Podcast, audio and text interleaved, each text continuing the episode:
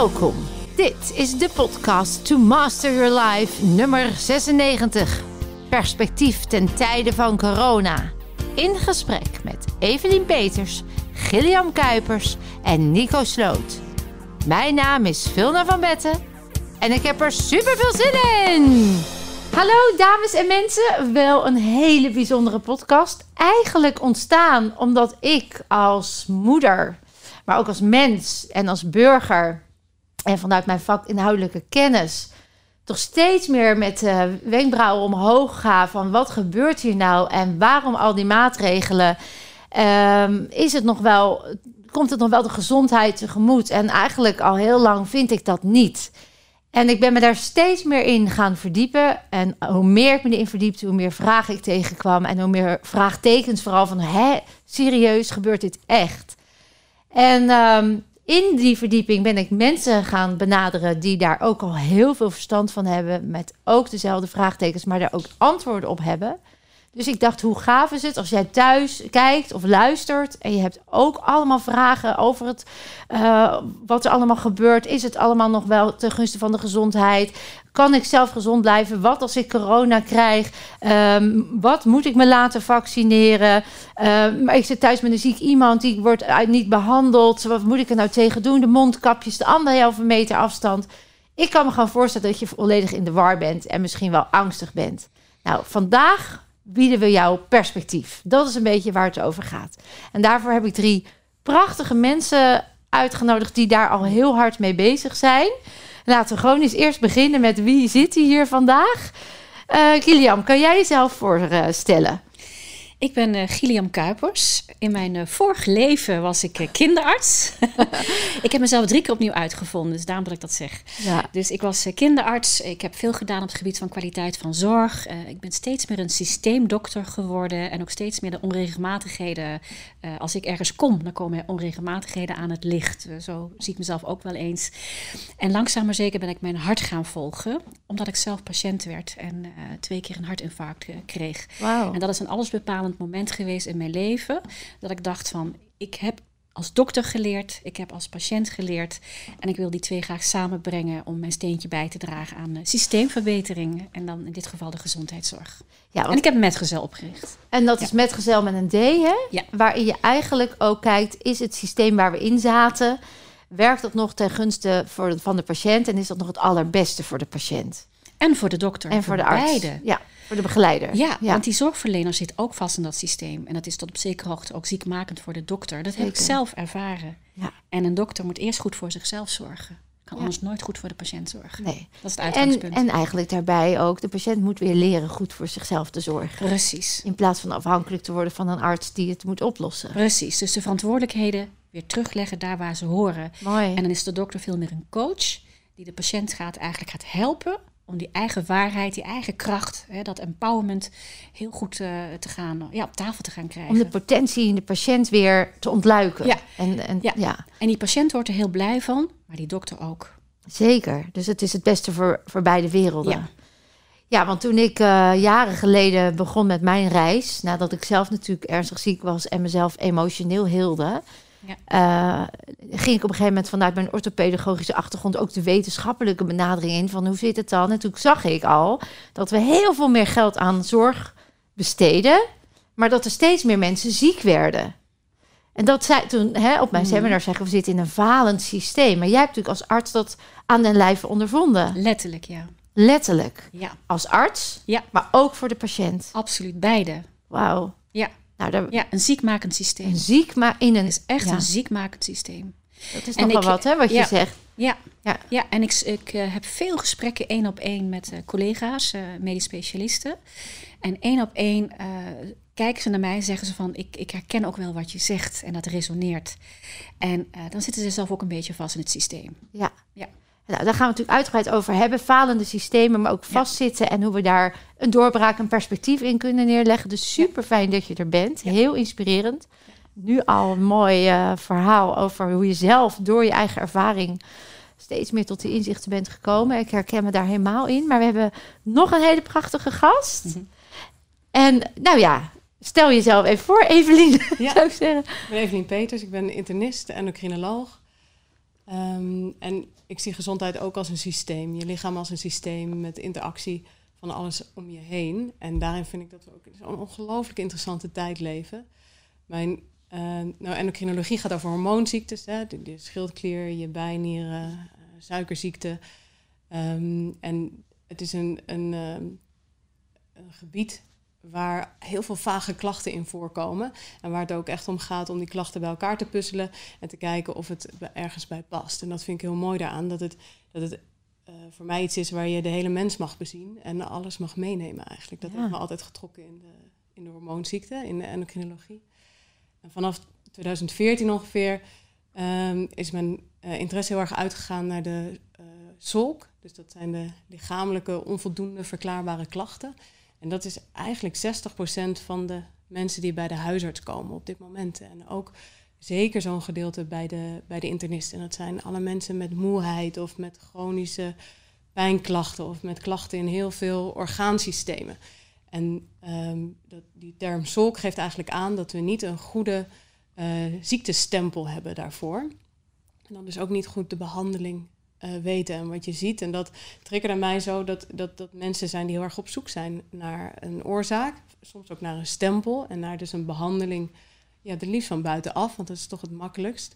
Uh, maar dat het, het systeem heel erg zegt, ik kan niks vinden. En op het moment dat je zegt, ik kan niets vinden, um, dan doet dat heel veel bij mensen. Uh, en je ziet dat, dat dit een, een, groep mensen is die veel klachten heeft, die, die daaronder lijdt, die veel uitvallen van werk. Dus een, het, het is een grote belasting voor de maatschappij. En het zijn heel veel mensen die minder fijn in hun leven staan dan nodig zijn. En ik dacht, dit, dit moet toch anders kunnen, dit moet beter kunnen. Dus ik ben me daarin gaan verdiepen. Uh, en er zijn niet heel veel artsen die zich erin verdiepen, omdat het voor veel artsen uh, een beetje een frustrerend gebied is. Mm. Omdat het, het behandelen uh, een beetje weg ligt van hoe wij worden opgeleid om te behandelen. Wij worden geleerd om te, te reageren met medicatie of met operatie, uh, soms met, uh, met leefstijladviezen, steeds meer tegenwoordig. Ja, tegenwoordig gelukkig wel. Ja. ja. toen ik zo ziek was, niet hoor, helemaal niet zelfs. Ja, het nee. wordt veel meer. Dus die kentering is echt wel ingegaan. Het is wel fijn hè, dat ja. daar al, want ik kwam op zo'n pijnpolie. Ik ben ook alle specialisten afgegaan en ook internist en een pijnpolie. En dan werd er gekeken vanuit de maatschappelijk werken, vanuit de fysio en vanuit elke hoek werd gekeken, uh, ook wel voeding.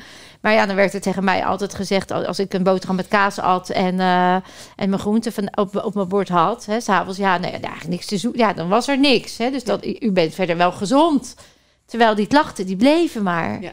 En ik kan ook me zo herkennen in jouw stuk, dat toen mijn arts, mijn specialist, uh, toen ik mezelf dus emotioneel geheeld had, wat ik toen helemaal niet wist wat dat betekende, maar dat was wel gebeurd. En ik dus zei tegen de arts, met alle integriteit, want daar geloof ik in. Hè? Ik ben niet tegen arts, ik ben ook niet tegen de medische benadering. Want ze kunnen heel veel. Ze kunnen mooi diagnosticeren, ze kunnen meten. Ze kunnen uh, uh, acuut handelen als het moet. En ze kunnen iets rechtzetten wat scheef staat. Hè? Dat is allemaal prachtig. Alleen die onverklaarbare klachten, hè? Dat, dat, dat brede gebied waar we dus geen antwoord op hebben. En ik weet nog dat ik tegen die arts zei, ja, toen hij dus zei, ja, ik kan het niet verklaren, u bent miraculeus uh, genezen. Dat ik zei, ja, ik heb mezelf emotioneel geheeld. Dat hij ook, je zag gewoon die blik.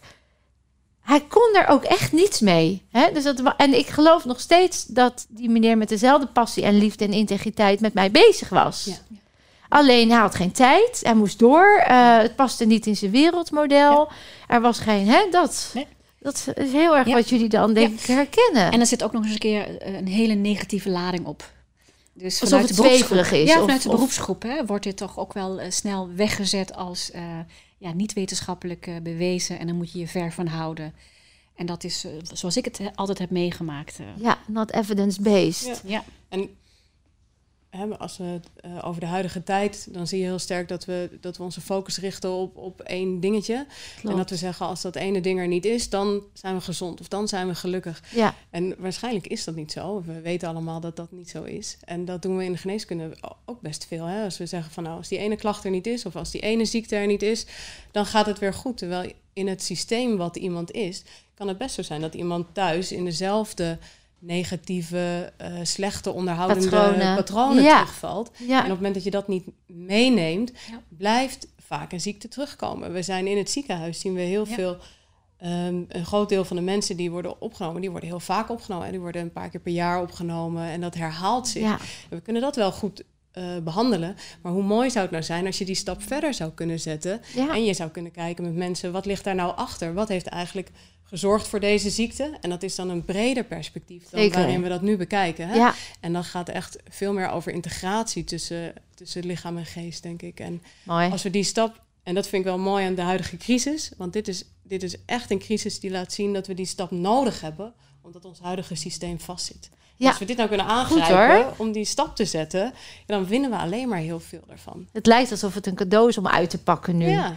Terwijl er natuurlijk heel veel is waar we nu tegenaan lopen. Want corona is een mooie metafoor voor alle systemen die nu blijken te wankelen. Die niet meer in deze tijd, waar we zoveel kennis hebben, zoveel ervaring, waar we zoveel meer weten dan waar de systemen nog op gaan. Hè, vanuit de gewoonte en wat jij zegt, zoals het altijd was. Dat we eigenlijk nu de doorbraak krijgen.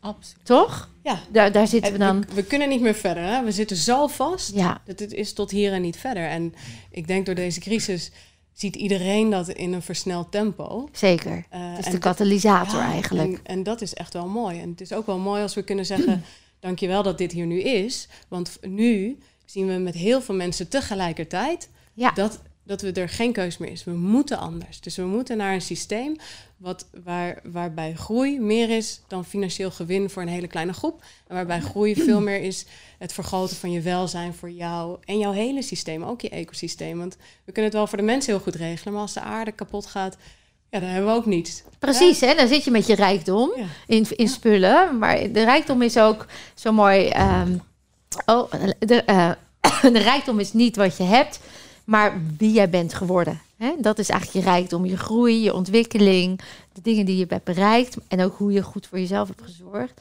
Ja, we zitten echt in een soort herdefiniëring. En ik denk als het lukt om die herdefiniëring neer te zetten, dat, ehm, dat we naar een veel mooier systeem toe gaan. Maar dan, dan, moeten we dat niet per systeem doen. En dat vind ik ook mooi dat, dat Nico hier ziet vanuit de ondernemerschap. En dat zijn ook de mensen die wij de laatste tijd leren kennen, die herkennen allemaal dezelfde Uit crisis. elk systeem, hè? Ja. want Nico, jij zit hier ook bij. Ja. ja en jij, kom, jij komt natuurlijk uh, uh, voor in de docu uh, COVID-19 The System. Ik heb jou vanuit die docu meteen benaderd en gezegd van... wauw, jij verwoordt volgens mij wat heel veel mensen thuis voelen. Je hebt zo prachtig de vragen neergelegd en oordeelvrij ben je gebleven. Van, joh, ik ben niet tegen, ik ben gewoon benieuwd. Werkt het het best? Wat levert het op? zegt hij lange termijn gedachten. En jij bent ook nog eens ondernemer. We zitten vandaag ook in jouw pand. Ja. Stel je even voor. Ja, nou ja, goed, ik ben natuurlijk uh, ja, ondernemer dan. En, uh, een internationaal ondernemer, dat, vind ik, dat zeg ik erbij, uh, omdat het ja, aangeeft dat je wel... Ik ben veel in de wereld geweest, veel culturen gezien en dat is, dat is leuk, hè, om te kijken hoe de systemen eh, overal werken. Daar ben ik altijd nieuwsgierig naar geweest. En jij zei net over het perspectief. En ik heb altijd al gedacht dat perspectief moet zijn lange termijn denken. En niet korte termijn. En je ziet uh, zeker hè, in het bedrijfsleven is alles korte termijn en, het loopt allemaal vast. En de documentaire geeft ook aan, waar, waar als je dan kijkt naar uh, of je nou gezondheidszorg neemt of het onderwijs, hè, of je kijkt naar de politie of het ambtenaren, toeslagenaffaires, is zo'n prachtig cadeautje ook voor ons dat we kunnen zien hoe het niet werkt. Ja. Uh, dus alles loopt vast. En dat heeft ook een reden waarom het vastloopt. Hè. Dus eigenlijk onze democratie loopt vast. We stikken in onze eigen regelgeving. En je weet gewoon, op het moment dat alles vastloopt, hè, dus dat de uitzonderingen, hè, die, die worden eigenlijk de regel, dat gaat nooit werken. Nee. Never. En voor ondernemerschap werkt altijd 20-80 en je kijkt hè, op die manier ook naar risico's. En je ziet eigenlijk bij alles wat we nu doen, dat we het tegenovergestelde doen. We doen bij alles het tegenovergestelde. Ja, ja, en, wat en dat is eigenlijk wat we moeten doorbreken. En daarom is het ook mooi dat het... Ja, er moet altijd ook een ongeluk gebeuren, denk ik. Hè? En dit is een heel groot ongeluk. Om mensen te laten inzien van ja, inderdaad, we moeten hè, kijken naar lange termijn. En, uh, ja, dat, en dat geldt eigenlijk voor alle systemen. En wat bedoel je met we doen bij alles het omgekeerde? Nou, je ziet gewoon op het moment dat je dat, dat alles als het korte termijn is. Hè, kijk naar de zorg. Ook daar zou je moeten kijken van, naar de samenwerking. Als je echt naar de natuur kijkt, naar de ecosystemen. Je gaat herverbinden terug. En je kijkt naar de samenwerking van hoe dat in elkaar zit. Dan is dat ook lange termijn. Kijk, een boom groeit. Dat duurt lang. Ja, je kapt hem in, in drie minuten. Maar zo werkt het natuurlijk niet. En dat is hetzelfde met ons lichaam. Hè? Dat is ook hetzelfde hoe je een bedrijf runt. Een bedrijf run je met een visie op de lange termijn. Korte termijn gaat niet werken. Hmm. Maar de politiek, alles is korte termijn. Vier jaar. Aandeelhouderschap, hè? alles hoe, hoe het bedrijfsleven wordt gerund met de beurs, alles is korte termijn. En dat, dat werkt niet. Nou, wat ik ook bijzonder vond aan het systeem, als we even naar de politiek gaan, heel kort. Ehm, ik zat te denken, stel ik heb een huis hè, en je zegt ik laat mijn huis schilderen door een partij waarvan ik vertrouw en geloof dat ze het goed doen. En die komen bij mij mijn huis schilderen en die verpesten het helemaal. En die verruineren het helemaal nog sterker. Gebruiken iets rotzooi, waardoor mijn fundamenten en het betonrot ook ontstaat. Dat is even de toeslagaffaire, hè? Dus ze maken iets kapot. Vervolgens uh, lijkt het alsof wij dan als bevolking, ik zeg niet dat wij dat doen, maar wat er dan gebeurt, is joh, jij hebt mijn huis verpest. Weet je, ik heb nog drie huizen. Die hebben nog een grotere crisis. Doen jullie dat ook maar even. Hè? Dus nu bij de toeslagervaring vind ik zo mooi. Ze hebben iets kapot gemaakt vanuit een systeem wat niet werkt. Maar in plaats van te zeggen, nou oké, dan stappen we op, want er moet iets nieuws gebeuren, zeggen ze, nou, maar dan pakken wij die het kapot hebben gemaakt ook nog wel even de coronacrisis erbij. Alsof dat nog geloofwaardig is, alsof zij met dat zelfdenkende systeem ook uh, de nieuwe crisis kunnen oplossen. Terwijl er is toch al gebleken, je zou zeggen, we leren toch. Hoe kijken jullie daarnaar? We leren toch van nou onze fouten. En moeten wij als bevolking dan niet zeggen: hé, hey, je hebt mijn huis al verpest. Ik ga jou niet nog een keer een huis laten schilderen. Hoe, hoe ja, reageer. Ja, de burgers hebben natuurlijk geen lobby, hè? dat is het probleem. Dus alles wat vanuit de politiek en het systeem wordt gedaan, gebeurt vanuit lobby's, kartels en, en er zit veel macht en geld in. Als je ook follow the money nu doet, ook zeker in de coronacrisis, ook in de toeslagenaffaire, dan zie je ook waar het misgaat. En wat jij zegt van ja, kijk maar naar dat gasdebakel. Hè? Mm Laten we een paar crisissen kijken. Kijk naar de, het stikstofverhaal. Uh, kijk naar uh, de Q-koorts. is drie jaar lang weggekeken. Want dat past ons natuurlijk niet, hè? want wij. We hebben, ja, dat is belangrijk. En uh, met dat gas is het natuurlijk hetzelfde. Dat probleem in Groningen had je natuurlijk al lang kunnen oplossen. Mm. En het gekke is, nu geven we 100 miljard uit. Terwijl er, en wij spreken een jaar geleden werd er nog ruzie gemaakt over een paar miljoen. Ja. En we geven 100 miljard uit. En weet je, dus al die verbanden zijn weg. Hè? 100 miljard aan nu de maatregelen, maatregelen de, de, de, de, extra ondersteuning. Terwijl het probleem was het IC-capaciteit. Dus nou, ik, ik roep maar wat. Stel dat je 5 miljard had uitgegeven, dan had je het al lang opgelost. Dus je ziet dus dat het nergens klopt. Maar dat is dus wat, wat we hier concluderen is eigenlijk dat is niet, het ligt niet aan de mensen op de plek, want die doen binnen het systeem, dat zien we ook in de medische wereld, wat hun is geleerd en hoe het altijd gaat. Ja. Dus we moeten eigenlijk op een hoger niveau abstraherend kijken en zeggen: hé, hey, wat gebeurt er nou echt? Zodat die mensen misschien met waanzinnig veel potentie en kwaliteiten andere dingen kunnen doen. Dat is ook het lastige, hè? want ik denk dat we, dat we als specialisten de afgelopen decennia meer en meer zijn opgeleid. Dus eerst had je de algemene internist, om het bij mijn eigen vakgebied te houden. En de afgelopen decennia um, gingen we naar steeds kleinere postzegel subspecialismes. Hè? Dus, dus ik ben geen algemeen internist, maar ik ben endocrinoloog. En uh, afhankelijk van waar je werkt, werk je breder of veel smaller. En dat is wat je nu ook ziet, is dat, dat aan de ene kant is het heel goed, hè? dus de, de ontwikkeling van kennis gaat ontzettend snel. Dus de ontwikkeling van medische kennis is op dit moment, uh, de houdbaarheid is vijf jaar. Ja. En we hebben nog steeds een zesjarige geneeskundeopleiding. Dus dat gaat heel snel. Dus er is ook wel een noodzaak om expert te zijn binnen je gebied. De andere kant is dat op het moment dat jij um, binnen je postzegel expert bent en je daartoe houdt, dan kan het zijn dat je het grote geheel uit het oog verliest. En zo kan het ook zijn dat op het moment dat jij als expertgroep aangesproken wordt om een probleem op te lossen, hmm. dat het een heel eenzijdige uh, vraagstelling is. En dat je de overkoepelende gevolgen van je adviezen uh, uh, zelf misschien niet goed door hebt. Dat betekent dus dat daar hoog over een systeem moet staan wat dat controleert. Een feedback systeem. En dat mis mhm. ik nu heel erg. want we hebben um, er wordt gezegd, we luisteren naar de experts. Maar daarmee vergeten we eigenlijk dat we een ecosysteem zijn. Ja. Toch? Nou, ja, nee. Maar de, de check and balance werkt ook helemaal niet. Hè? Die zou, en die zou natuurlijk eh, bovenaan moeten Ja, die is er niet. En die is er gewoon helemaal niet. Hmm. En daardoor gebeurt het ook iedere keer weer opnieuw. Dat is een beetje wat jij zei. Het gebeurt iedere keer weer opnieuw. En we leren dus ook niet van het verleden. Want we hebben niet geleerd van de, de gasdebakel, niet van de stikstof, niet van Q-koorts. We doen het gewoon weer. We doen weer hetzelfde. We hebben toeslagenaffaire. En dan zegt zelfs de politiek, ja, maar dezelfde mensen die dragen we weer voor. Maar je kan het je bijna niet voorstellen, weet je wel. Ja, want wat wilde jij daarover? Nou, dat ik uh, met deze week, uh, en dat, ik heb dat al vaker bedacht, van heeft een systeem eigenlijk een uh, geweten? En als ik dan nu ook kijk naar wat er gebeurt op hele grote schaal, maar wat ik ook in het klein heb meegemaakt in, in de ziekenhuizen en, en ja, op allerlei niveaus. Inderdaad, 99% van de mensen, dat zijn goede mensen. Ja. Die, die, doen gewoon hun best. En die hebben de juiste intentie. En die willen, we, we hebben allemaal dezelfde waarden en dezelfde behoeftes. En dan gaat het over liefde, vertrouwen, verbinding en solidariteit. Dus dat, daar bestaat geen discussie over. Maar wat ik wel zie, en dat komt ook heel erg over, jouw boek komt daar en voor en mijn metgezel concept. We zijn blijkbaar in die systemen geneigd om onze kracht hè, om onze verantwoordelijkheid volledig weg te geven. En aan dat systeem te geven, blijkbaar. En dan vraag ik me ook af, is er dan niemand die nu eens gaat kijken van ja, maar klopt dat systeem eigenlijk wel? Ja. En ik denk dus inderdaad dat we nu in een hele grote systeemfout zitten. En ik denk van waar is het geweten van dit systeem? En dan denk ik nou juist dat uh, mensen zoals Nico en mensen zoals Evelien hè, van het uh, artsen COVID collectief, die mensen die dus uh, even opstaan en zeggen van hé, hey, maar wacht eens even, um, daar zit misschien wel een, een, een enorme parel of de sleutel voor dat geweten van dat systeem wat niet meer werkt. Als een soort feedback systeem eigenlijk, hè?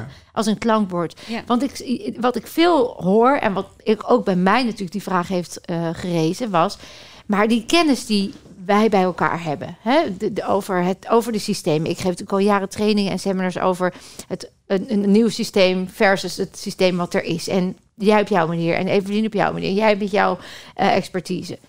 Um, die kennis is er. Hè? Dus er is ook een vraag van, maar weten die mensen die daar dat leiden, die daar nu de beslissingen nemen, weten die dat niet? Of zitten we zo vast in onze tunnelvisie, zitten we zo vast in onze self-fulfilling prophecy, in onze selective attention, al die psychologische uh, processen, dat we het ook gewoon niet kunnen of willen zien. Of eenmaal gekozen route kunnen we niet meer terug, want dan falen we. Ook beide. beide. Het zijn meerdere aspecten. En ik, ik weet nog dat uh, toen ik nog heel diep in het ziekenhuissysteem uh, zat, hè, als je daar maar lang genoeg in zit en iedereen heeft hetzelfde geluid wat je hoort, op een gegeven moment ga je dat zelf ook denken. Als je steeds verder van jezelf uh, verwijderd raakt, steeds meer, hè, het is een, een, disconnect eigenlijk met de natuur, maar ook een disconnect met jezelf, dan ga je denken dat dat, dat dat waar is. En als ik kijk naar veel mensen in mijn omgeving die zeggen van ja, maar het kabinet en het OMT, dat zijn toch de experts daar, uh, daar willen wij ook ons vertrouwen aan geven. Want anders wordt je hele wereldbeeld uh, wordt onderuit uh, geschoffeld. Ja. En dat is zo ongelooflijk ja. angstig. Ja, en wat heb je dan nog? Nou ja, behalve dat, jezelf. Behalve jezelf, hè? En dat is nou juist waar we nu naartoe moeten. Ja. Maar ook wel wat je zegt, dat, dat je in je eigen systeem, in de tunnelvisie terechtkomt en denkt dat wat waar is, dat je dan ook vanuit die integriteit handelt. Dus waar we op basis weer op neerkomen, is we moeten weer leren voelen. Weer leren herkennen, erkennen en dan, dan naar kunnen handelen om het gewoon anders te doen. En buiten je peergroup, je omgeving, op te staan. Jij doet dat nu. Jij zit nog in een peergroup. Jij zit nog helemaal in het systeem. Want Gideon, jij hebt. Gideon, ik ben jij... er uitgestapt. Ja. En het is een bevrijding. Ik kan het iedereen aanraden. Ja, want je hebt je eigen. Ja, ja, noem het maar je eigen wel, welzijnsplek uh, opgericht. Ja.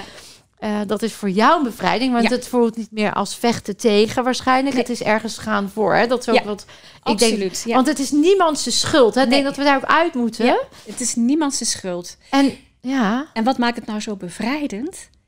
Ik uh, ben van niemand meer afhankelijk. Dus ik kan ook zeggen wat ik voel en wat ik zie. Ook als dat tegen de gevestigde orde ingaat. Dat is heel vrij, hè? Dat is een bevrijding. Ik herken dat in mijn proces van, van beter worden, van helen. Dat op het moment dat ik weer eigenaarschap nam over mijn eigen lichaam, mijn eigen systeem, mijn eigen processen.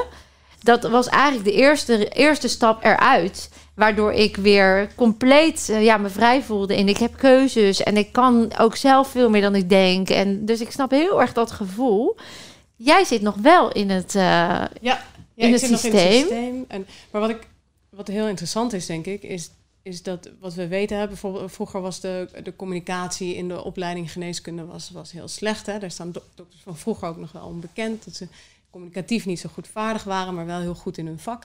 En dat is de afgelopen jaren ongelooflijk verbeterd. Hè? Dus de communicatie, het communicatieonderwijs is enorm verbeterd. Ja. Maar wat zie je, en daar is ook onderzoek naar gedaan, is dat na een aantal jaar binnen een specialistische opleiding uh, mensen dat verleren omdat het hiërarchische systeem en onze. Wij, wij, leren in een meester-gezel uh, situatie. En dat is heel goed, hè? want wij hebben eigenlijk een, een, een hand, handenarbeid. Hè? Dus wij, wij leren het echt op de vloer. Je kunt het niet uit een boekje leren hoe je in de spreekkamer moet handelen. Maar dat moet je wel vanuit voorbeelden leren. Maar op het moment dat, dat de voorbeelden nog te veel vanuit oude systemen zijn, zie je dat mensen het aangeleerde weer vergeten. En dat is waarom verandering zo langzaam gaat. En dat betekent niet dat het niet in de mensen zit. Want ik denk dat we in de huidige generaties dat dat, dat perspectief al heel erg is veranderd. Ik denk dat mensen, ik denk vanaf mijn generatie al, dat het dat, hè, dat, dat de cliché dat een arts voor het geld iets doet.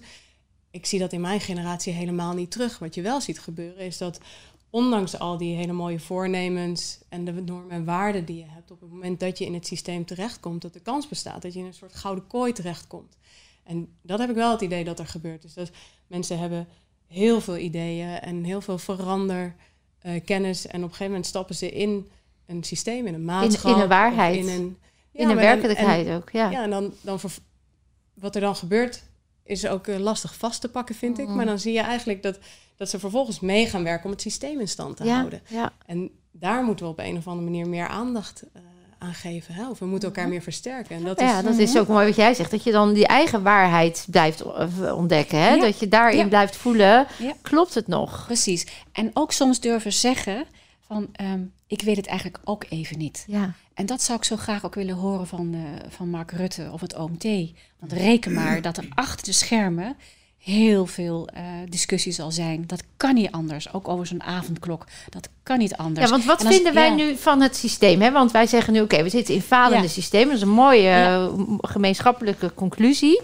Uh, waar baseren we dat op? Waar baseren we dat op? Even nou ja, waar, ja, of Nico? Ja, ja het, is, het is wat jij net zei. Het is een beetje het feestje. Het wordt een beetje het feestje van de gelijkgestemde. Hè? Dus er ontstaat een soort van uh, mensen die, die dan als specialisten ook naar voren zijn gebracht. Dat is ook best gevaarlijk, zeker met politiek. Omdat je weet hoe het werkt. En uh, daar wordt meer gekeken van ja, uh, mm, we moeten ons toch een beetje indekken. Maar geldt dat ook voor artsen? Dat, de, dat ze als specialist naar voren worden gezet? Ja, maar, maar ook wel met het indekken. Hè. Dat is ook wel de reden dat artsen zich niet zo snel in, uitspreken. Hè. Dus nou, in principe gaat er in een ziekenhuis eigenlijk niks mis. Nou, dat, is wel wat ik ervaar. Want als je dus in de complementaire zorg, wat ik natuurlijk doe, uh, zit, wat ik dus niet alternatief of zweverig vind, maar juist heel erg nuttig en nodig dan als daar iets misgaat, dan wordt het in de grootste krantenkoppen. En dan is het van hè, kwakzalvers en noem het maar. Ja. Terwijl als het in de ziekenhuizen misgaat, dan hoor je niks. Of, het wordt, nou, of is dat te gechargeerd? Ja, ik denk wel dat de laatste jaren daar ook heel veel aan gewerkt wordt. Hè? Ja? Om, om uh, openlijker te melden, om, om uh, calamiteiten te melden, om complicaties te melden. Dus daar wordt, wordt heel veel aan gedaan. Het enige is, is dat de verschuiving van... Uh, van melden om een systeem te verbeteren, naar dat het nog steeds voelt alsof uh, je het fout wordt gedaan en het gaat om schuldigen zoeken. Precies. Dat is natuurlijk een heel nauw iets. En het kan nog steeds voelen als een schuldige zoeken. En dat, dat blijft nog wel moeilijk. Dus, en het gaat natuurlijk, het gaat om mensenlevens. Het gaat om hele grote uh, zaken. Ik denk vooral dat, dat aan de ene kant hebben we het expertisegebied. Uh, en we hebben nu experts die zich uitspreken. Um, uh, en dan, dan schuurt het heel nauw naar waar verantwoordelijkheden ja, dat uh, liggen. Ja. Maar volgens mij. Want mag ik kiezen? Is, mag ik kiezen als mens? Hè? volgens mij is het zo belangrijk om, om te zeggen af en toe van. Uh, we weten het niet en er mag een neutraal midden zijn. Ja, en wat er op dit moment heel erg gebeurt, is dat, dat je bent voor of tegen. Je kan niet meer grijs zijn. Je bent zwart of wit.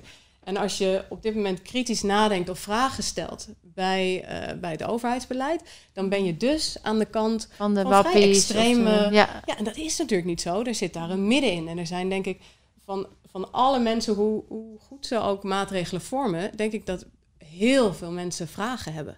En die vragen die komen er niet uit. Ik denk dat mensen veel minder daarover praten met elkaar dan dat ze zouden willen. Omdat we dat midden hebben we weggevaagd. Ja. Dus op het moment dat je nu een vraag erover stelt, dan wordt er weer mensen op, opgepakt en in een hokje gezet. Vervreemd, ja. En daar moeten we naar terug. En als, als het hier lukt om alweer dat neutrale midden neer te zetten, om te zeggen, stel maar vragen. Wetenschap is vragen stellen, wetenschap is twijfelen. Dus laten we nou, ik, ik denk dat we ook alleen maar vooruit kunnen komen op het moment dat er hele goede kritische vragen worden gesteld. Als we onze kwetsbaarheid ook daarin durven laten zijn. Ja, gewoon... ja dat geweten, hè, wat je ook zo mooi zei, dat moet terugkomen. En dat zie je ook, dat dat, uh, nou, hopelijk, daar gaan we voor, hè, want dat moet ook terug. En dat zou in het bedrijfsleven moeten, hè, dus eigenlijk alle CEO's en CFO's zouden ook een soort van eet moeten afleggen. Hè, dat ze het goed doen voor de hele aarde, niet alleen maar voor de aandeelhouder. Uh, maar zo zijn er, hè, dat geldt natuurlijk voor de politici ook, hè, maar dat geldt ook voor de media. De media is zo afgevlakt. Het is zo'n systeem geworden van angst en nieuws en snelheid. Terwijl de echte kritische vragen worden niet meer gesteld. Ik weet zeker dat er heel veel journalisten nu zijn die mhm. denken... waarom kunnen wij niet andere vragen stellen? Want die hebben dezelfde vraag als wij. Daar ben ik van overtuigd. En waarom is dat, denk jij? Nou ja, dat is ook wel een beetje wat uh, Matthias de Smet natuurlijk goed zegt. Hè. Je zit in een soort van uh, waarheidsvorming nu door de angst. Kijk, een angstbeleid is iets heel raars in een, in, in een volwassen democratie. En uh, de, als je dat tien maanden lang doet, dat zie je nu gebeuren, dan wordt het al heel lastig om mensen te bereiken. Je bereikt ze niet meer. Ja. En uh, dat is lastig, hè? je hebt die uh, cognitieve dissonantie, zeg maar. En er is echt onwetendheid. Ja. Terwijl aan de andere kant, kijk, als je aan Mark Rutte vraagt, in het begin zei hij terecht 50% van de kennis moet ik eh, uh, 100% van de beslissingen nemen. Maar we zijn bijna een jaar verder. Dat is echt niet meer zo. Wij weten zoveel hoe het zit. We weten eigenlijk precies hoe het zit. Alleen hij kan niet meer terug. Ja, en het probleem is, de politiek gaat niet meer terug omdat ze in het systeem vastzitten. Ze hebben namelijk nog nooit iets toegegeven. En ze gaan dat ook niet doen, dat zie je aan de toeslagenaffaire. Sterker nog, de toeslagenaffaire zegt dat het helemaal mis is. En dan nog gaan ze zichzelf voorstellen. Moet je nagaan. Maar weet je, het is bijna één op één. Het is ook wel mooi. Ik krijg ineens een soort verband. Als het nou gaat om elk systeem, of het nou ons systeem is, ons lichaam. Stel, ik krijg een specialist die kijkt naar mijn lichaam en die zegt: Het zit daar, op daar heb ik pijn. En die gaat dus daar helemaal op inzoomen. En die, ja, die zegt, ja, ik, ik heb alles gedaan wat ik kon, maar het werkt niet. Waarom? Hij kijkt alleen nog maar daar. Terwijl het hele systeem hangt samen met andere systemen... waar de oorzaak, die pakken we niet aan. Ja. Mhm. En nu zie ik bijvoorbeeld Mark Rutte, die zit natuurlijk in de EU... En die heeft met allemaal andere systemen daaromheen te maken, wat elkaar nog alleen maar versterkt. Hè? Dat is die, die, die mhm. tunnelvisie en dat mhm. met elkaar. Terwijl waar het echt broeit en waar echt de haard zit, ja, klopt. Die zien we niet meer. Nee. Nee, en ik, ik, dat is ook uh, daarmee. Uh, raak je me altijd heel, heel erg uh, diep. Hè? Dat ik het ook zo, voor, voor een deel vind ik dat zo onrechtvaardig. Hè? Dus blijkbaar is dat een knop bij mij waar ja, die ernstig wordt ingedrukt. Hè? Dat ik denk van um, dat, dat wij dus ook als burgers, en ik noem het ook even onschuldige burgers, verantwoordelijk zijn gemaakt voor het uh, in de lucht houden van het gezondheidszorgsysteem. Dat vind ik zo krom. En dat dus in die zin uh, dat, ik, dat ik denk van het wordt allemaal weer, weer buiten en de buiten, bij de ander. Ja. Nou, Gilliam, dat bedoel je in de huidige crisis? In de huidige crisis. Ja, in, deze, ja, maar in de huidige, in de huidige crisis. Hè? Dus dat wij nu uh, uh, ja, verantwoordelijk eigenlijk worden gesteld voor de, de, ziekenhuiscapaciteit. En dat wij dus ook in zekere zin zijn geherdefinieerd als jij bent bijvoorbeeld al een gevaar voor die ander. En dus dan kijk ik naar de natuur ja. en dan denk ik dat is zo tegengesteld als ik naar de natuur kijk. Mm. Ik heb ook het gevoel dat we daarmee de levenskracht weghalen uit het systeem. Ja, dat vind ik zorgelijk. Ja, we moeten stoppen met leven om sterfte te voorkomen. Dat druist tegen elke natuurwet in natuurlijk. Juist. Ja. maar ook met alle eh, maatregelen. Dus alle maatregelen zijn tegen je immuunsysteem. Hè? Dus alles wat wij nu doen is slecht voor je immuunsysteem. Ja, het binnenzitten. Ja, eenzaamheid, anderhalve angst, meter angstbeleid. Dat is ontzettend slecht voor je immuunsysteem. Ja, dat is natuurlijk wel stressoren. Ja, en dan begint het al met anderhalve meter, je handen kapot wassen, uh, mensen eenzaam uh, opsluiten eigenlijk. Mondkapjes. Geen regie in je eigen leven. Dat is zo Vrijheidsbeperking, bizar. Vrijheidsbeperking. Avondklok. Avondklok. En dan de jeugd min of meer eigenlijk de schuld geven, terwijl het daar helemaal niet zit. wij weten al lang, tot en met 67, dat is wel mooi te kijken als ondernemer natuurlijk naar. Want dat is mijn personeel. Mensen moeten tot 67 werken. En dat is wel grappig. Als ik dan kijk naar mijn Arbo-wetgeving, dan zeg ik eigenlijk: oké, ik ga voor gezondheid. Dat, ik heb gekeken, feitelijk, dat er dan 0,03% uh, eh, de infection fatality rate zou zijn. Ik denk zelfs dat het minder is, omdat heel veel mensen COVID-stempel hebben gekregen die ze niet hebben. Ja. Dus dat betekent waarschijnlijk is het nog minder. Die kans is zo klein. Ja. Zo klein. En er is al een heel goed alternatief in plaats van vaccinatie. Dan zou ik zeggen, ik moet mijn mensen niet vaccineren, want ik weet met vaccineren wetenschappelijk niet wat de gevolgen zijn. Terwijl ik het met het andere dus wel weet. Dus dat is gek.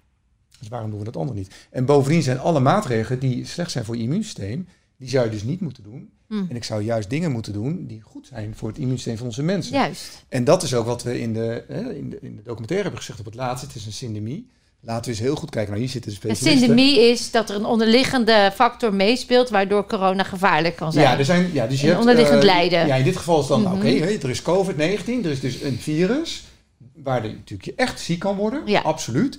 En, maar we weten al dat, eh, dat het uh, tegelijkertijd dus, uh, samengaat met onderliggende, uh, in, in dit geval is eigenlijk leefstijlziektes. Ja. En dat maakt dus dat je mogelijk ziek kan worden, misschien wel ernstig of zelfs op het IC terecht kan komen. Mm. Maar als je nou echt kijkt naar die leefstijlziektes, die zijn dus door macht en allerlei en, uh, kijk maar naar de machten in de wereld van het voedsel, hoe we mhm. dingen verbouwen. En waarom hebben we al fastfood, nou, noem het maar op. Hè, en allemaal zoet en suiker en zout. Ja, daardoor worden we ziek. Ja. En daar doen we niks aan. En daar wil ik iets aan, aan toevoegen, want uh, dat is, wordt nu ook uh, steeds meer bekend. Hè? Gelukkig heeft Jet Bussemaker daar iets moois over gezegd in, uh, op één een paar dagen geleden. Dat we eigenlijk een R-waarde zouden moeten hebben voor de sociale en mentale schade die wij nu aan het, ja. aan het creëren ja. zijn. En mijn stellige overtuiging is ook dat wij op dit moment ook de toekomstige coronapatiënten aan het creëren zijn. En dat weet ik vanuit mijn rol als kinderarts. Het is een prachtige studie geweest. Dat was die Adverse childhood experiences. Dus negatieve ervaringen op de kinderleeftijd hebben eigenlijk tot gevolg dat je op latere leeftijd uh, verslavingen krijgt, uh, uh, obesitas, hart- en vaatziekten, kanker, noem maar op. Alle chronische aandoeningen zijn mm. voor een deel, groot deel dus terug te voeren op die negatieve ervaringen op de kinderleeftijd. Tussen 0 en 7 jaar, het staat in mijn boek. Precies. En dat zijn we dus nu ook aan het doen. We zijn in feite de IC's weer aan het vullen voor over een tijdje. Ja. Ja, en weet je dus dat is weer helemaal omgekeerd. Ja, en wat het bizarre is aan dit, hè, dus dat we dat dus weten, hè, want dat kan je ook uitzoeken. Maar het gekke is dat uh, Rutte nog niet een week geleden zei in de Kamer, er werd hem gevraagd, oké, we zijn nu elf maanden onderweg, nu moet het toch wel duidelijk zijn wat de nevenschade is. En hij durfde daar zelfs te vertellen, ik weet helemaal niet wat de nevenschade is. Nou, ik ben natuurlijk ondernemer, wij maken altijd een koers. En onderweg hè, ga je met voortschrijdend inzicht altijd de koers bijstellen. En je gaat altijd kijken naar de risico's. Dat is wat je doet. En dat moet je natuurlijk ook met de samenleving doen. Dus je moet gaan kijken, oké, we zetten misschien een koers in omdat we bepaalde dingen niet weten. Maar dan ga je natuurlijk met voortschrijdend inzicht continu kijken, wat zijn eigenlijk je KPI's? Hè? Want je KPI's heb je uitstaan. En dan ga je kijken, oké, wat, wat, hoe gaan we bijsturen? En dat doe je ook met geweten. Ja. En dat is geweten is dat je zegt, wacht, we hebben dingen verkeerd gedaan. Ja. ja. We moeten nu ja, er zijn bijsturen. Veel meer artsen die zich hier zorgen om maken. Hè? En dat is ook waarom we de Stichting Artsen COVID Collectief hebben opgericht. Juist omdat wat we net allemaal zeiden, is omdat het voor heel veel mensen niet veilig voelt om zich uit te spreken. Omdat er die polarisatie is als je je uitspreekt. Dus veel mensen voelen zich vanuit hun werk ook niet veilig. En de stichting is er om, om dat te bundelen en een beetje die basis wat meer van zekerheid te geven. Om je dan met een groep uit te spreken of voor een groep. Daarin vind ik het wel heel belangrijk om wel vanuit een uh, gedegen basis te zijn. En wetenschap zit wel ook in een crisis op dit moment. Dus je kan cherrypicking doen van uh, uh, studies van beide kanten in dezelfde bladen. Um, maar als we dan even kijken naar, naar de afgelopen maanden, dan bijvoorbeeld op de site staat heel veel over nevenschade. Er is ongelooflijk veel. Er is een, een rapport van de Inspectie Jeugd en Gezondheidszorg. Um, we weten van het Trimbos veel over depressie en angst. We Zelfmoord op dit moment bij de jongeren. Precies. En weet je, maar van, dit, uh, dit... Van, van, Maastricht, hè, dat uh, de uh, jongeren dikker zijn geworden en dat de dikste jongeren 40% dikker zijn geworden. Wow. We weten dat de, het kabinet in januari vorig jaar de BTW op groente en fruit verhoogde. Ja. Dat 18% van de mensen die al in de sociaal-economisch zwakkere positie zaten, minder groente en fruit zijn gaan kopen. En dat is eigenlijk die syndemie, dus je wordt het ziekst op het moment dat je uh, heel specifieke risicofactoren hebt. Dus we weten, degene die ziek worden, we weten heel goed, voor 94% bestaan die uit, een, uit mensen met dezelfde risicofactoren. En we zouden die heel specifiek kunnen beschermen. Daar hebben we wetenschap voor. Ja. Aan de andere kant doen we dat nu niet. We hebben heel algemene maatregelen voor iedereen. En die algemene maatregelen, die raken eigenlijk dezelfde groep die al in de risicogroep zit voor corona, het allerhardst. Want het gaat gewoon over een sociaal-maatschappelijk zwakkere groep. Die, die roken vaak meer, die hebben vaak meer stress. Die zijn dikker omdat ze minder eten hebben voor gezonde voeding, de gezonde uh, leefstijl. Dus die, die, die zijn al meer in risico. En de maatregelen die, die zorgen dat, dat veel mensen failliet aan het gaan zijn. Dat gezinnen instabiel worden, dat er meer kindermishandeling is, dat er meer misbruik is. Meer, van, ja, meer eenzaamheid, meer, depressie. Ja, dat, dat raakt ook die groep, dat raakt de hele maatschappij, maar ook die groep. En wat we nu zien, en dat vind ik dan zo opvallend, hè, is dat in 2019, in oktober, ik heb vanochtend nog zitten kijken, brengt de WHO een review uit over alle uh, maatregelen die je zou kunnen nemen tegen een virus wat vliegt door de lucht. Hè. En dat ging dan over influenzavirussen. Maar dat geldt eigenlijk ook voor corona. En dat zetten ze heel mooi op een rijtje. En dan is de conclusie van de Wereldgezondheidsorganisatie dat alle niet-medicamenteuze interventies eigenlijk onvoldoende werken, behalve als je ze onder dwang zou doen. En dan is de conclusie van het rapport dat de dwang nadelen niet opwegen tegen de voordelen die die maatregelen doen. Dus dat weten we dan al, oktober 2019. Dan begint Nederland met een vrij overwogen beleid, lijkt het, ten opzichte van de landen om ons heen. En gaandeweg zien we er eigenlijk alleen maar dingen bij komen. En daar verbaas ik me zo over. Dat eerst hebben mensen, winkeliers hebben spatschermen. En nu zijn ze, hebben ze spatschermen en een mondkapje. We hebben het mondkapje inge, uh, ingezet als gedragsmaatregel. En nu zie je mensen op straat met een mondkapje lopen. Terwijl er nog niemand op straat besmet is geraakt. Ja. We gaan steeds verder. Er komen, ja. er komen dingen bij. Er komen zo op de avondklok. En we zien dat sinds de invoering van het mondkapje er niets verbeterd is aan de uh, hoeveelheid positieve testuitslagen. En dan komt er nu een avondklok. Gaat er dan iets af? Of eh, zegt het kabinet dan, wij gaan heel transparant en toetsbaar nu iets inzetten en dan over een paar weken gaan we evalueren of het gewerkt heeft en wat de nevenschade was. Want we hebben in de geneeskunde altijd een number needed to treat en een number needed to harm. Dus we hebben, uh, we geven 30 mensen een medicijn om één iemand te helpen. En, en, daar heb je een bepaalde schaal in. Hè? Want vinden we nou dat je vijf mensen iets mogen krijgen om één iemand te helpen? Of vinden we dat het oké is als 200 mensen iets nemen om maar één iemand te helpen? Dat is de ene kant. Dus dat zijn de hoeveelheid mensen die iets moeten doen. Dus er zijn 200.000 mensen moeten een mondkapje dragen om één coronabesmetting te voorkomen. Stel. En je hebt de mensen, de number needed to harm. Dus hoeveel mensen moeten iets dragen om schade op te lopen van dat dragen. Hmm. En aan maatregelen zit ook een number needed to harm. dus hoeveel mensen slikken een medicijn uh, om één bijwerking te krijgen. En daar, daar heb je ook, dus vinden we het aanvaardbaar dat vijf mensen een medicijn slikken en één iemand een ernstige bijwerking heeft? Of vinden we het aanvaardbaar als honderd mensen iets slikken en één iemand een aanvaardbare bijwerking heeft? En zo is het ook voor maatregelen. En we moeten ook op die manier naar maatregelen kijken. En dat hoor ik helemaal niet terug, terwijl we dat wel kunnen beoordelen en we kunnen dat wel kan meten. Meten is weten. Meten, ja.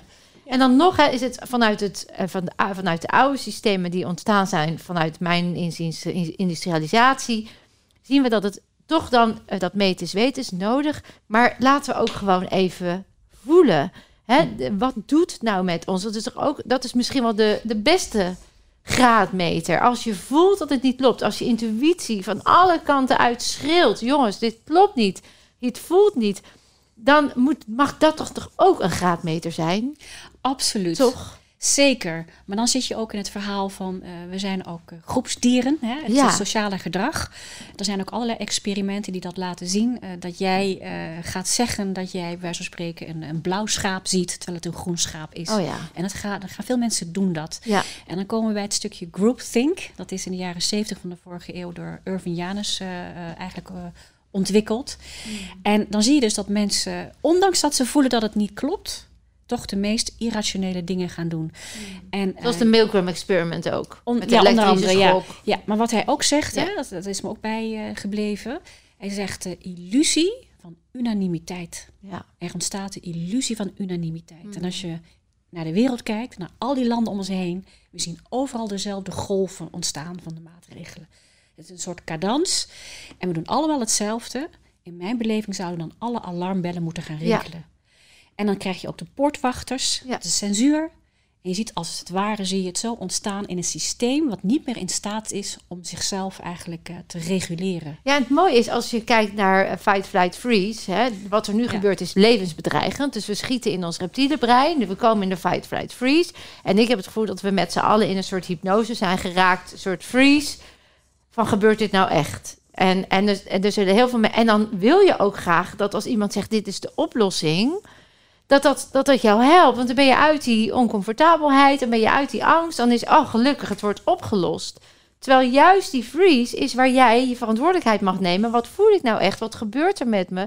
En wat heb ik nu nodig om gezond, vrij en zelfredzaam te blijven? Maar dit is essentieel wat je zegt, hè? Want het gebeurt zelfs niet. Want de, de angst lijkt een doel op zich te zijn geworden, vind ik.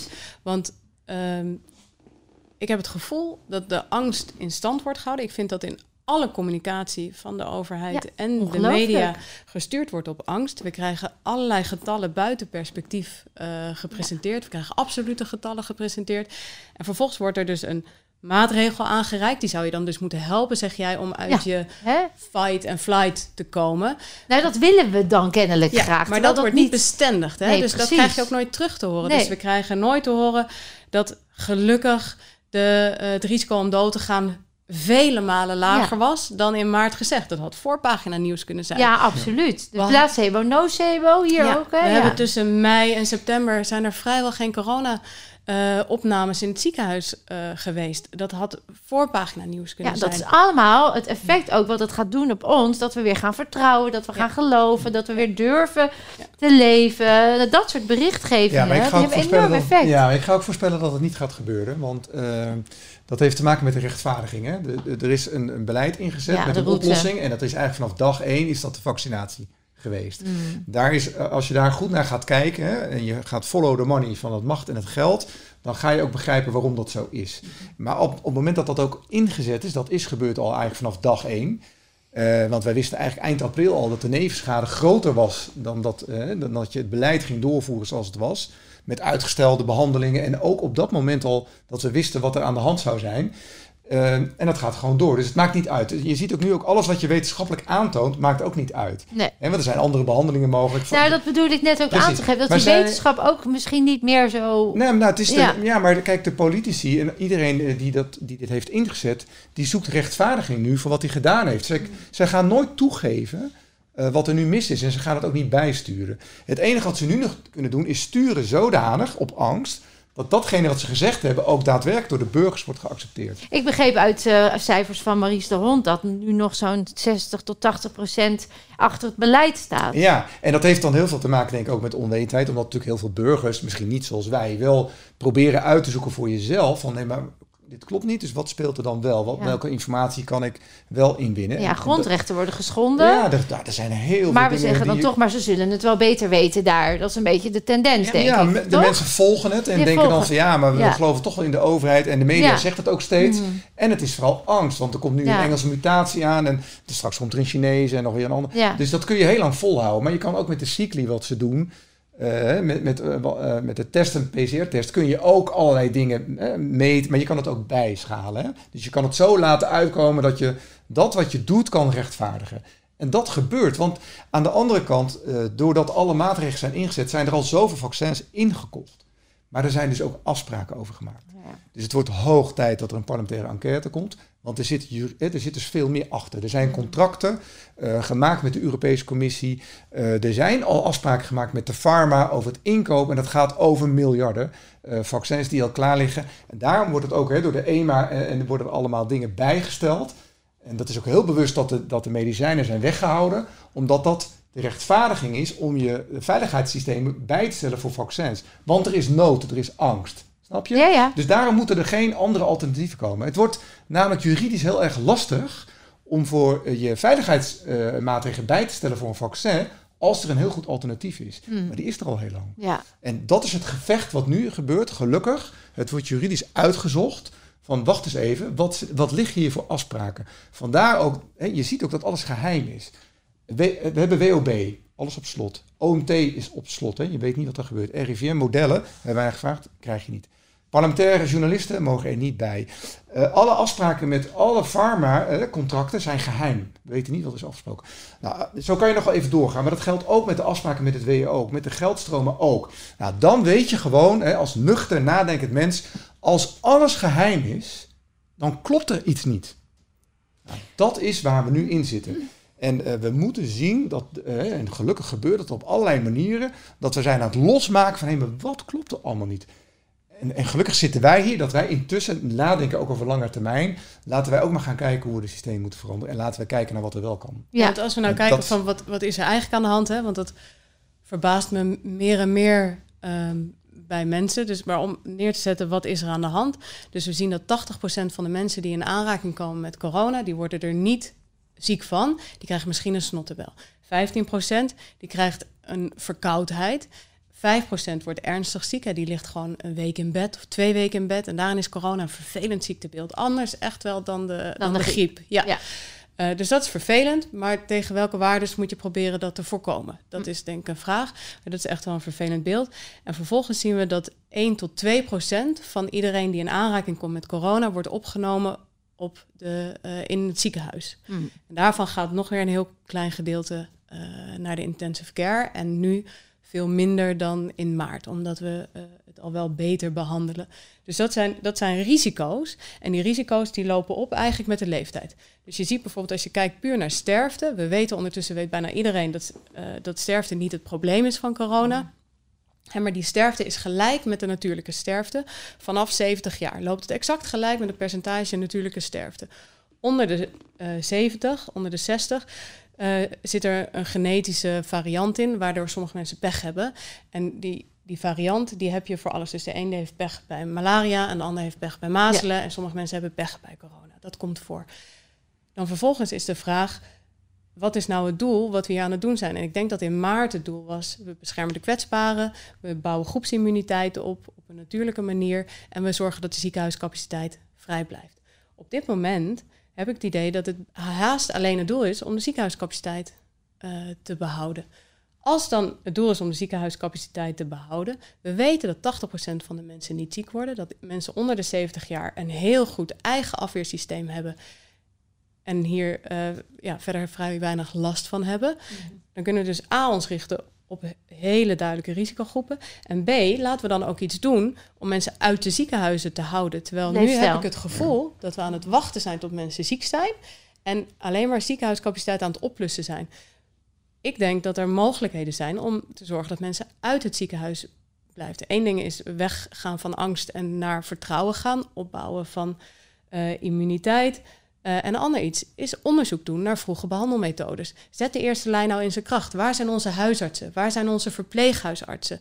Waar zorgen we dat we de mensen vanuit vrijwilligheid laten kiezen voor welk risico ze willen lopen? Waar zorgen we dat mensen uit op vrijwilligheid zouden mogen kiezen voor off-label behandelingen die we in een heel aantal buitenlandse landen als standard care hebben, waarbij de WHO nu onderzoek aan het doen is naar de standard care, waarbij in Amerika een grote review is uitgekomen over ivermectine, vitamine D. En ze ehm, eigenlijk zeggen, we moeten test, we moeten gewoon echt gaan meten. We moeten gewoon echt groepen neer gaan zetten. En wat werkt nou? En waar zijn, er zijn al wel resultaten. Maar kijk, we hebben, we, we hebben 100 miljard uitgegeven ja. uh, aan de maatregelen tot nu toe. Op het moment dat er, dat er ook maar de schijn van effect zou zijn van bepaalde middelen die we al jaren kennen en die heel weinig kosten, dan zou alles in mij lijkt zo logisch dat je daar maximaal op inzet. Ja. En vanaf maart is het er al niet. Terwijl in april zijn al onderzoeken verschenen. En je kunt zeggen, het zijn geen goede onderzoeken en ze zijn niet volgens de hoogste standaard gedaan. Is allemaal waar, maar ga het dan doen. Waarom doen we dat niet? Waar blijft het geld om dat te ondersteunen? Nou, dat is, dat is wat Guido Weijers ook zegt met die theaters. Hè? Die, Guido Weijers maar evenementen en uh, artiesten die zeggen ook van kom dan meten in de theaters. Laten we dan kijken wat, of mensen inderdaad buiten binnen inderdaad meer besmetting is. Schommers die zei toch bij Bo ook van ja wij weten eigenlijk niet of het buiten uh, minder of meer, meer. Hebben we niet getest? Nou zei Guido Weijers. Zullen we dat dan niet eens testen terecht? En ook in zijn, hij heeft gezegd: kom dan met mijn theater. Ik heb drie losse zalen gemaakt. We kunnen veilig kijken kom het dan testen. En dat gebeurt dan niet. Dat wordt uitgesteld. Oké, maar dat, dat, dat, is nog weer het onderzoeken van wat er mogelijk is. Hè? Met ja. scherm, je kan van alles bedenken. Je kan ook je muren koten tegen. Maar ik denk, je kan beter eerst gaan kijken nu van wat je wel weet. Ja. En wat je wel weet is dat, hè, als, als aanvulling van wat jij zei, is dat er dus wel degelijk medicijnen zijn die heel goed helpen. Dus, dus de, de, de risicogroep is al veel kleiner geworden dan dat die ooit was. Maar die kleine risicogroep kunnen we zelfs ook beschermen. Je bedoelt dat dat al bekend is? ja, van de, de kwetsbare. Kijk, de kwetsbare, bijvoorbeeld met ivermectine of HCQ, et cetera, die zijn, de behandelingen zijn zo goed. Inmiddels zijn er al zoveel studies gedaan, iets van 30 in Amerika. Er zijn al zoveel patiënten geholpen. Dat zelfs als je, uh, ook preventief zelfs, de kwetsbare groep met een medicijn zou kunnen helpen. En zeker op het moment dat ze COVID krijgen. Maar doe het op de manier zoals we het altijd hebben gedaan. Want als je natuurlijk. Uh, het, is, het heeft met validatie te maken. hè? Mhm. Als je kijkt naar uh, als iemand symptomen heeft van bijvoorbeeld COVID, dan zou je zeggen: ga eerst naar de huisarts. Dan kan hij dat vaststellen. En als het dan inderdaad zo is, dan, dan kan hij dus hè, die medicijnen gebruiken. Maar het probleem zit hem weer in de, in de systemen. Het wordt tegengehouden door het SWAP bijvoorbeeld in Nederland. Want dat heeft te maken, die hebben contact met de Nederlandse huisartsengenootschap. En daar moet het er eerst, eerst door. En dat wordt tegengehouden door de pharma omdat die producten heel goedkoop zijn. Die kosten maar een dollar. Ja, en ik vind daarin ook nog een belangrijk aspect dat mensen zelf mogen kiezen. Kijk, als ik kijk, mijn ouders waren allebei, zijn allebei boven de 70, hebben uh, COVID gehad. En ik heb met energetische geneeskunde, uh, zink, vitamine C en D. Ze hebben misschien een dagje een beetje last gehad, maar het was voorbij. Omdat alles is energie, vanuit mijn uh, kennis. En het is een vibratie. Een virus heeft ook een vibratie. Als jij je frequentie hoog houdt, je immuunsysteem hoog houdt, zou het minder snel bevattelijk zijn, maar kun je ook het virus uit je lichaam weghalen. Dus er zijn naast ivermectine of wat we al weten, is er ook, laat mensen zelf voelen. Als zij zeggen, nou, uh, ik wil graag uh, energetisch mezelf, uh, weet je, ik wil liever ivermectine of ik wil vaccinatie. Doe wat voor jou goed voelt. Ja, maar, maar nu worden we gewoon in een soort daar heb ik dan een soort weerstand tegen. Maar dat lijkt me belangrijk, veel, mm want ik denk dat er heel veel mensen uh, uh, ook zullen denken van alles van homeopathie of energetisch, dat is helemaal niet bewezen. En daar kan je je achter scharen en je kunt zeggen, we moeten alleen doen wat, wat goed bewezen is. Dat maar zelfs dat is bewezen al, maar, Zelfs dat is bewezen, maar het wordt niet gepubliceerd. Niet, of niet naar buiten gebracht. Ja, en voor ja. ivermectine, want ik denk dat er heel veel artsen op het moment dat het gewoon hoog en voldoende onderzocht is, dat heel veel mensen het zullen aangrijpen. Want waarom zullen ze het niet doen? De vraag is, waarom wordt het niet onderzocht? Juist. En als dit de crisis is die het is, dan zou ik zeggen, stap zelfs uit je vooroordelen en kijk uh, naar studies waar jij het bijvoorbeeld over hebt um, en ga dat opnieuw doen. Ga het mhm. herhalen en kijk of het werkt. En werkt het? Ja, dan zijn we toch met z'n allen gewonnen. Dus stap nou uit die mhm. vooroordelen. Stap uit vooroordelen over complementair of regulier. stap uit vooroordelen over een studie uit India. Ga of wat dan ook. blik. Ja. En durf het te voelen. En, en, ga, en, want ik vind dat voelen toch ook een ondergesneeld kind... waar we volgens mij in deze samenleving naartoe moeten... is ook van uh, wat het, of het nou wel of niet bewezen is... of nou wel... Voel gewoon waar jij... Uh, het mag allemaal van mij onderzocht worden en bewezen. Maar als het voor jou werkt, dan werkt het voor jou. En word verantwoordelijk door jezelf in te verdiepen. Ga dan uitzoeken waarom het werkt voor jou. Of waarom jij daarop resoneert. Of waardoor jij daar die keuze maakt. En als dat dan niet werkt, dan is dat een mooie les voor wat je de volgende keer anders kan doen. Dat is de groei.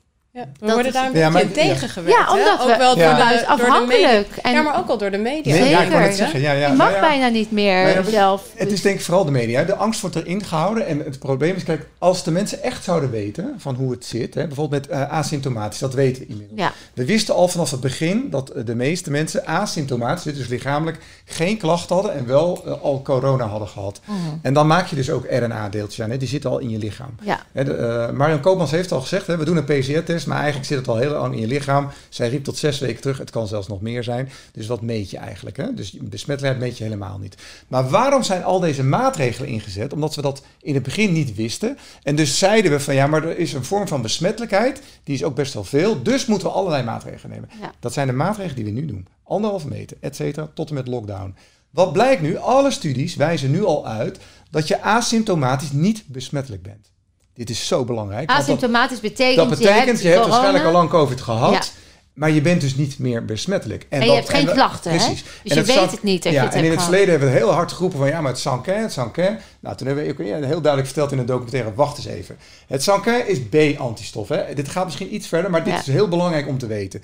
Maar we hebben ook een T-cellen-immuniteit. En dat betekent die T-cellen doen het fantastisch. En wat gaan we nu doen? We gaan een vaccin maken. Die moeten je T-cellen gaan activeren.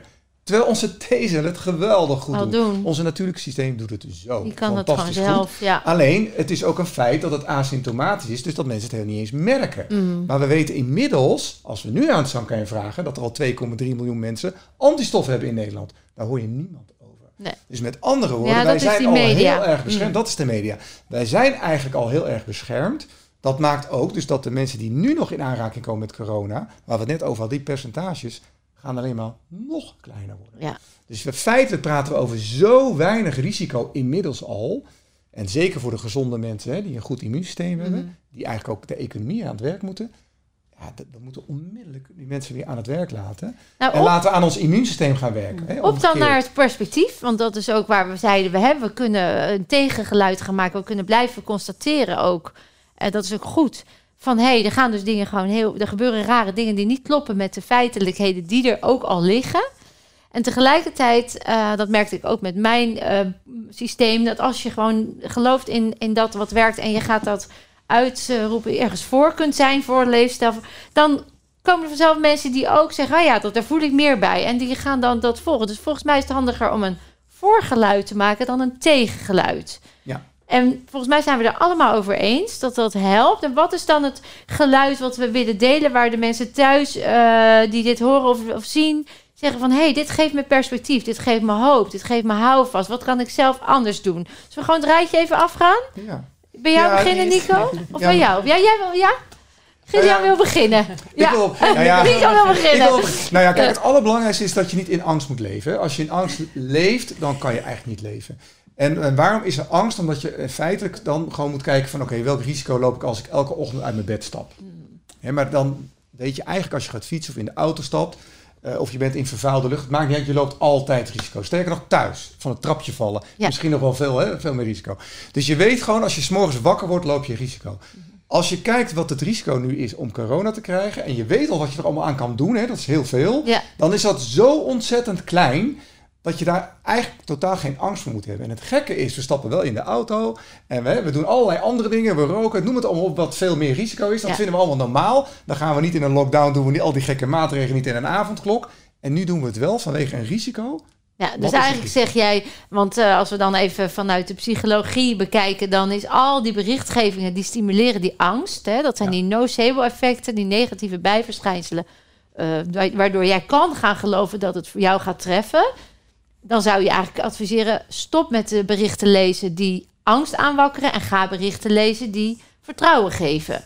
En daarnaast realiseer je, dat benadruk je ook echt, dat de kans dat er bij jou iets gebeurt of dat je iemand anders besmet, die is kleiner dan elk ander risico wat je gewoon in je huistuin en keuken ja, dagelijks... Dan moet je niet meer gaan fietsen, niet meer op straat gaan, je moet niet meer in de auto stappen. En dat moeten mensen gaan realiseren. Ja, dat is belangrijk. Want, Om ook uit dat schuldgevoel, want dat is de tweede die er heel erg speelt. Dat ik zou me, nou ik doe het niet, maar je zou je bijna laten vaccineren, omdat je dan dacht, dat wordt aangepraat... Nou, want dan kan ik anderen, de kwetsbare doelgroep. Ja, terwijl we al weten dat na de vaccinatie je nog steeds besmettelijk bent. Sterker nog, het vaccineren is een soort van experiment. Uh, de WHO spreekt al uit, ook al ben je gevaccineerd, we gaan door met anderhalf meter, met mondkapjes en met lockdowns. Meneer Bill Gates, die heel erg invloed heeft op hè, de twee uh, vaccinaties die we krijgen, die zijn allebei van hem, dus er speelt heel veel macht en geld. Die zegt zelfs dat het nog veel langer duurt. Dus mensen moeten zich ook realiseren, waar, waar komt dit vandaan, hè, dat dit mm. gebeurt? En die angst is heel onterecht. Ja, dus angst en schuldgevoel wat ons wordt aangepraat. Ja, En, en ik zou hem ook weer willen terugpakken bij uh, vertrouw vooral inderdaad op je eigen gevoel, op je eigen kracht en geef hem niet weg. Sterk juist die. En ga vragen stellen. Er zijn heel veel mensen in mijn omgeving die tegen mij zeggen van... ja, maar Gideon, ik weet ook dat een mondkapje niet werkt. Maar ah ja, het is niet zo ingewikkeld, ik ga dat gewoon doen. Dan zeg ik, dat is prima, maar ga nou eens even de vraag stellen. Wat maakt nou dat jij mensen vertrouwt die jou opdragen, jou verplicht stellen om dat te doen? 95 euro ervoor vragen als je het niet doet, terwijl jij zegt, ik weet dat het niet werkt. Dan mag je jezelf de vraag stellen, wat vind ik daar nou eigenlijk van? Hmm. Wat vind ik daar nou eigenlijk van? En wat, wat maakt nou dat ik het doe? Ja. En waar zit mijn grens in mijn gedrag? Tot, tot hoe ver wil ik gaan om dingen te doen waarvan ik eigenlijk weet dat ze niet werken? Ja. En ik probeer mensen dus weer terug te werpen op, op henzelf. Zichzelf en ik stel ook de vraag, als wij met z'n allen nu besluiten dat dit de manier is om een toekomstige pandemie het hoofd te bieden, wat zou je daarvan vinden? Denk je dat dat dan de manier is? Hmm. Of kunnen we teruggaan naar hoe we het al honderd jaar deden? Wat vond je daar eigenlijk van? Dus op die manier probeer ik mensen eigenlijk uh, mee te nemen, zelfbewust te maken, uh, vragen durven te stellen, het niet maar voortdurend maar buiten jezelf te leggen. En uh, het OMT zal het wel weten en, en, en, het kabinet zal het wel weten. We weten het eigenlijk allemaal zelf. Uiteindelijk wel. Alle wijsheid zit al in ons. Ja. Hè? En als we daar weer naar terug durven gaan, naar binnen, voelen, dan weet je wel wat goed voor jou is. Precies. En dan blijf je uit die angst. Dus die kracht versterken in jezelf. Hè? Uh, nou, eh, toch even mijn dagelijkse oefeningen. Dat is bepaalde energiepunten activeren. Die versterken ook die kracht. Ik zou zeggen, doe die dan ook echt iedere dag. Want dat maakt uit. Affirmaties, de berichtgevingen lezen die wel mhm. positief zijn. Hè, die wel een verschil uitmaken. Maar dan nog een andere. Want ik ook even jouw tip nog. Maar dan toch, ik kan me ook voorstellen dat er mensen zijn die zeggen: Ik wil dat allemaal wel. Maar ik ben maar alleen. Of ik moet het, ik maak toch geen verschil. Of uh, ik durf het niet. Want iedereen, de peer group pressure, iedereen doet het niet. Dus ik ga dan maar ook maar mijn mondkapje omdoen, terwijl het niet voelt. Hè? Ja. Nou, ik denk ja. dat, dat het eerste vind ik het ontzettend mooi om te zien. Ik vind het schokkend, maar ik vind het ook ontzettend mooi om te zien dat zoveel mensen zo keurig volgen. Want ze doen dat volgens mij uit altruïsme. Dus volgens mij is de mens enorm bereid om te zorgen voor zijn medemens. Dat is wat ik nu probeer terug te zien in als ik mensen dingen zie volgen waarvan ik eigenlijk bang ben dat het schadelijk voor ze is en waarvan ik weet dat het geen effect heeft. Mm. Om op, het, op die manier te benaderen helpt mij om er meer open voor te staan en te denken, nou, het is onwijs mooi dat jij voor een ander wil zorgen. Ik denk wel dat heel veel mensen het inderdaad doen, omdat ze het uitzicht krijgen voorgespiegeld, dat het klaar zal zijn nadat je gevaccineerd bent. We weten ondertussen ook dat het waarschijnlijk niet zo is. En dat er nog geen enkele maatregel af is gegaan, dat het alleen maar gekker aan het worden is. Dus dat is wel heel belangrijk. Hè? Dat mensen zich inderdaad de vraag stellen: stel dat het nou niet hierna normaal wordt, hoe sta ik er dan in? En waar is mijn ethische grens? Waar ligt mijn morele grens? En we weten uit onderzoek, bijvoorbeeld als je hele jonge aapjes een, ehm, een neppe uh, uh, metalen moeder geeft uh, die heel zacht is, of eentje die melk heeft, dat de aapjes de zachte um, nepaap zullen kiezen. Want wij zijn intrinsiek sociale wezens. Ja. En wij worden nu gedwongen om afstand te houden, om geen contact meer met elkaar te hebben. We worden geïsoleerd. En dat is een heel groot gevaar. En volgens mij groter dan dat we inzien. Omdat we, we isoleren en je gaat in je eigen ja, en dan praat ik even vanuit het, uh, als ik empathisch ben naar wat daar buiten gebeurt, dan word je natuurlijk of geframed of in de burgerlijke ongehoorzaamheidshoek. Hè. Stel dat ik zeg, nou, ik draag hem niet, het mondkapje. Ik heb er geen medische verklaring, uh, reden voor, maar ik vind hem niet nodig. Ik ben gezond, ik vertrouw op mijn eigen immuunsysteem. Ik wil gewoon als sociaal dier mezelf bewegen in deze maatschappij. Nou, dan, dan ben ik egoïstisch, dan ben ik burgerlijk ongehoorzaam, dan, dan ben ik een wappie. Uh, ik word... ja, je mag ook nergens heen, hè? Je mag niet naar school, je mag niet naar een bibliotheek, je mag niet... Dus die uh... vrijheid is weg. Mm -hmm. dus de mensen die dit nu zien en horen, zeggen we dan nu... Uh, jongens, doe het gewoon. Hè? Doe maar niet dat mondkapje. Doe maar gewoon wel uh, wat jij voelt. Nou, maar volgens mij is het heel belangrijk dat je wel met elkaar praat. Dus, dus dat je wel durft te zeggen van... nou, ik twijfel wel eens. Of um, um, hoe denk jij daar eigenlijk over? Of ik voel me op een bepaalde manier als ik een mondkapje draag of zo. Dus dat gesprek openen is volgens mij heel belangrijk. En ik denk eigenlijk dat meer mensen daar behoefte aan hebben uh, dan dat, dat je van elkaar weet.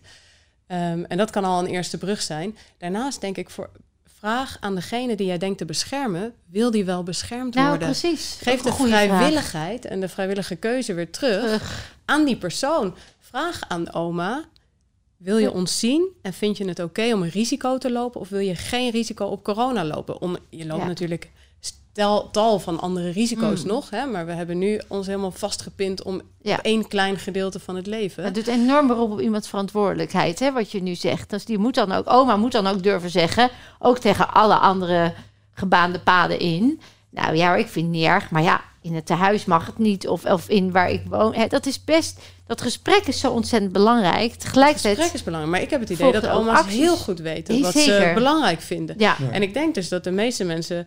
Uh, zeggen, verbaasd, kom, alsjeblieft. Ja, maar verbaasd zullen ja. zijn van hoe. Want de, ik zie ontzettend veel uh, uh, mensen van 80 plus op de polykliniek. En ik vind het schrijnend om te horen van mensen die zeggen: Ik wil zo graag de kinderen zien, maar de kinderen willen niet meer komen omdat ze mij het risico niet willen aandoen.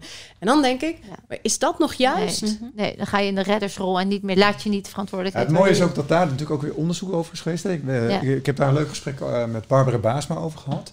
Die heeft een onderzoek gedaan naar de regie in je eigen leven. En dat blijft 7,4 meer meer te zijn dan geld.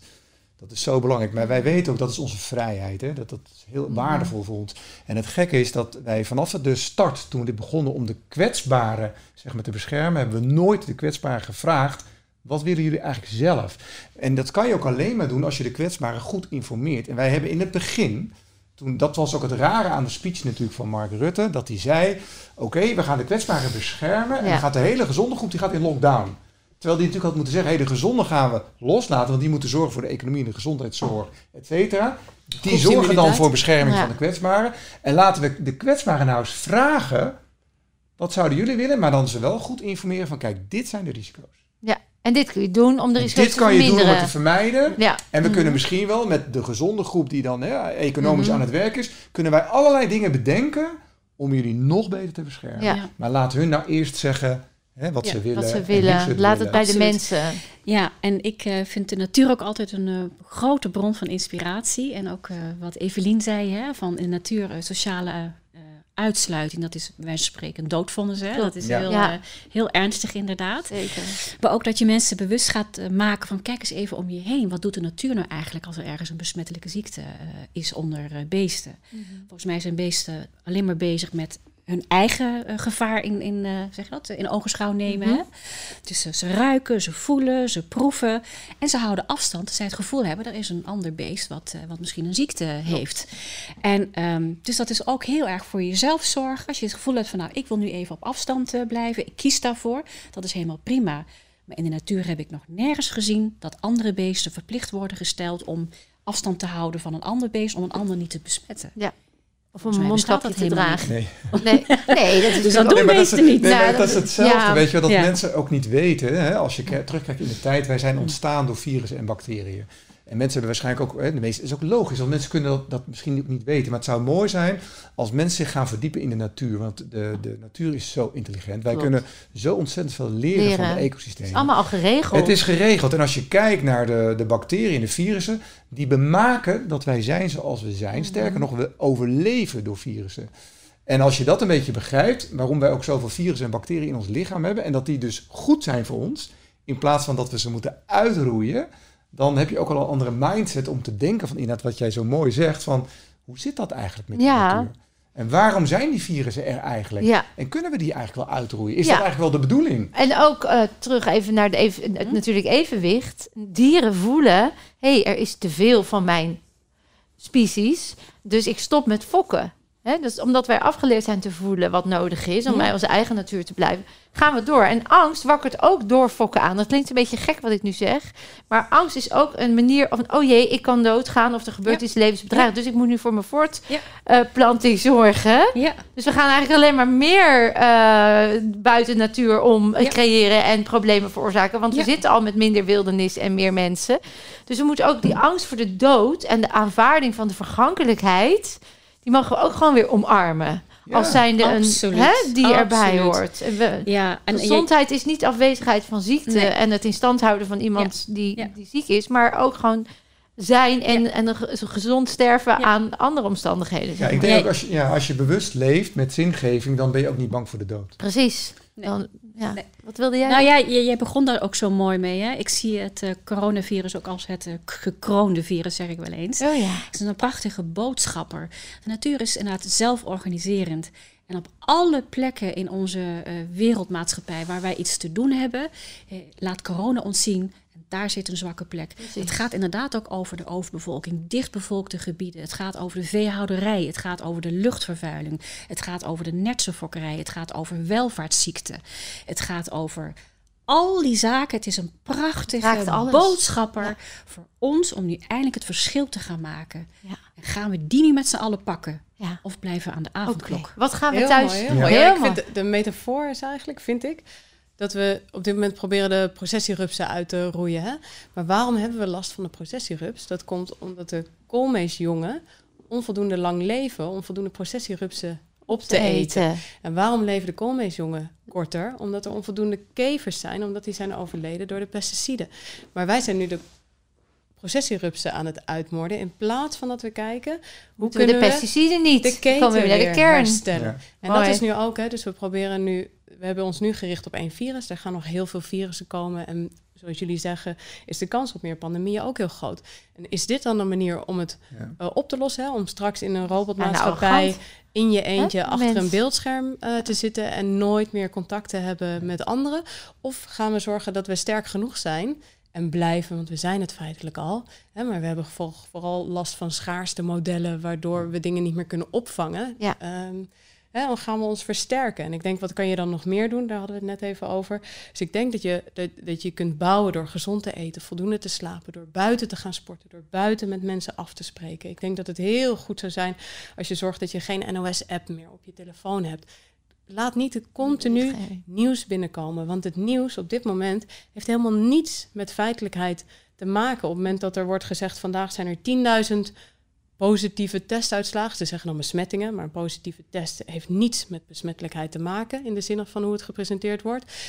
En op het moment dat wij vandaag 1 miljoen mensen hebben getest en gisteren 500.000 mensen hebben getest, dan is het percentage ehm, ofwel gelijk of minder. Dus die Ja. absolute getallen van het nieuws, die slaan nergens op. Dus haal die apps van je mobiel af en kijk drie keer in de week naar het nieuws, dan weet je net zoveel. En zoek naar zaken waarvan je je blij en positief voelt. En deel dat met mensen. Nou, precies. En dan Ook kom je uit die angst. Ja, Ja, dan kom je uit die angst. Dan gaat die Ja. trilling omhoog. Ja. En ik zat ook te denken, wij zijn een onderdeel. We mogen op deze planeet leven.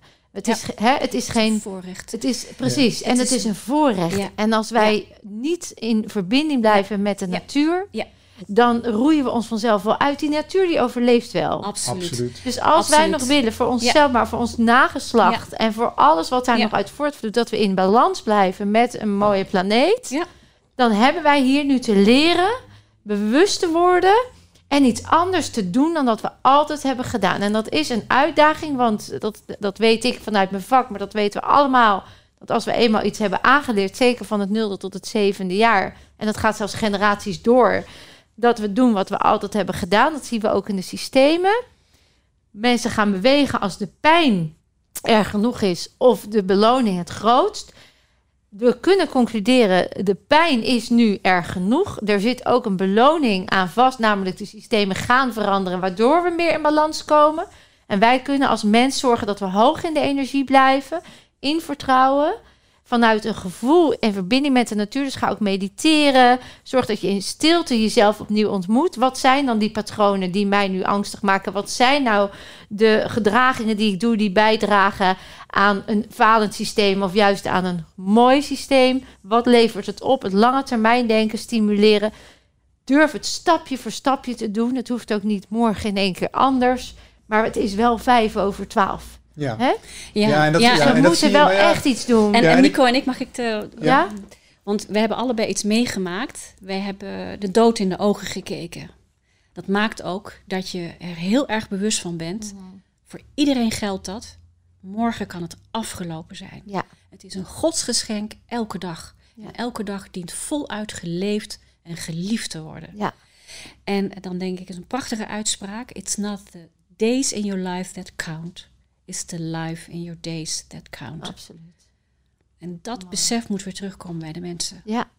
En het is en hier en we nu niet een en bijna doodervaring voor te hebben. hè, om dat ons te realiseren. Nee, nee, nee, nee. Want dat is Ja. wel vaak wat er gebeurt. Nee, maar wel- Afsluitend, Ja, het perspectief. Hè, we hebben het erover gehad. Er is perspectief. Dat is dat wij weer al met ons elkaar kracht geven. Ik denk dat zo'n podcast als dit ook jou thuis kracht kan geven. Van hé, hey, ik mag anders denken. Ik mag voelen dat het niet klopt. Ik mag iets anders doen. En de alle kleine beetjes bij elkaar maken een verschil naar een nieuw systeem toe. Ehm, afsluitend, even kort iets, een tip, een advies, iets wat je mee wil geven ter inspiratie, ter per- in het eh, kader van het perspectief. Ja, herverbinden naar de natuur. Ik denk, wij de zijn, eh, ja, wij zijn, we hebben zulke goede zintuigen en eh, we hebben zo'n goede intuïtie. En we doen veel te weinig hè, met Terug onze eigen binnen. intuïtie, met ons eigen gezonde verstand Ja. en terug naar de natuur. Zet je zintuigen in, kijk om je heen en leer van de natuur, want de natuur is zo Die intelligent. vertelt ons genoeg. Ja. Evelien? Ja, ik zou zeggen, vraag jezelf iedere dag, leef ik nu en handel ik vanuit angst of vanuit vertrouwen? En is wat ik doe vanuit vrijwilligheid en vanuit vrijwilligheid naar de ander toe of niet? Mooi. Heel mooi. Ja, ik heb eh, geleerd dat eh, loslaten vele malen krachtiger is dan controle. Ook vanuit de natuur. Het gaat over flow, het gaat over stromen. En in die end gaat het over loslaten. Dus laat je gebaande paden maar los. Ga maar wat er gebeurt. Waar weerstand is, is groei. Hè? En ik zou nog mee willen geven als afsluiter van dit gesprek... dat als je dit hoort, ziet, voelt... kijk wat het met je doet. Stel jezelf de vraag... wat kan ik nu al anders doen voor mezelf... om me beter te voelen, gezonder, gelukkiger... mijn immuunsysteem te verhogen. En daarmee dus ook voor de mensen om je heen. Dus eh, dames en mensen, ik wou jullie heel erg bedanken voor deze inspirerende pod- podcast. En lieve mensen, eh, hou vol, ga ervoor, want je weet het. Je kunt meer dan je denkt.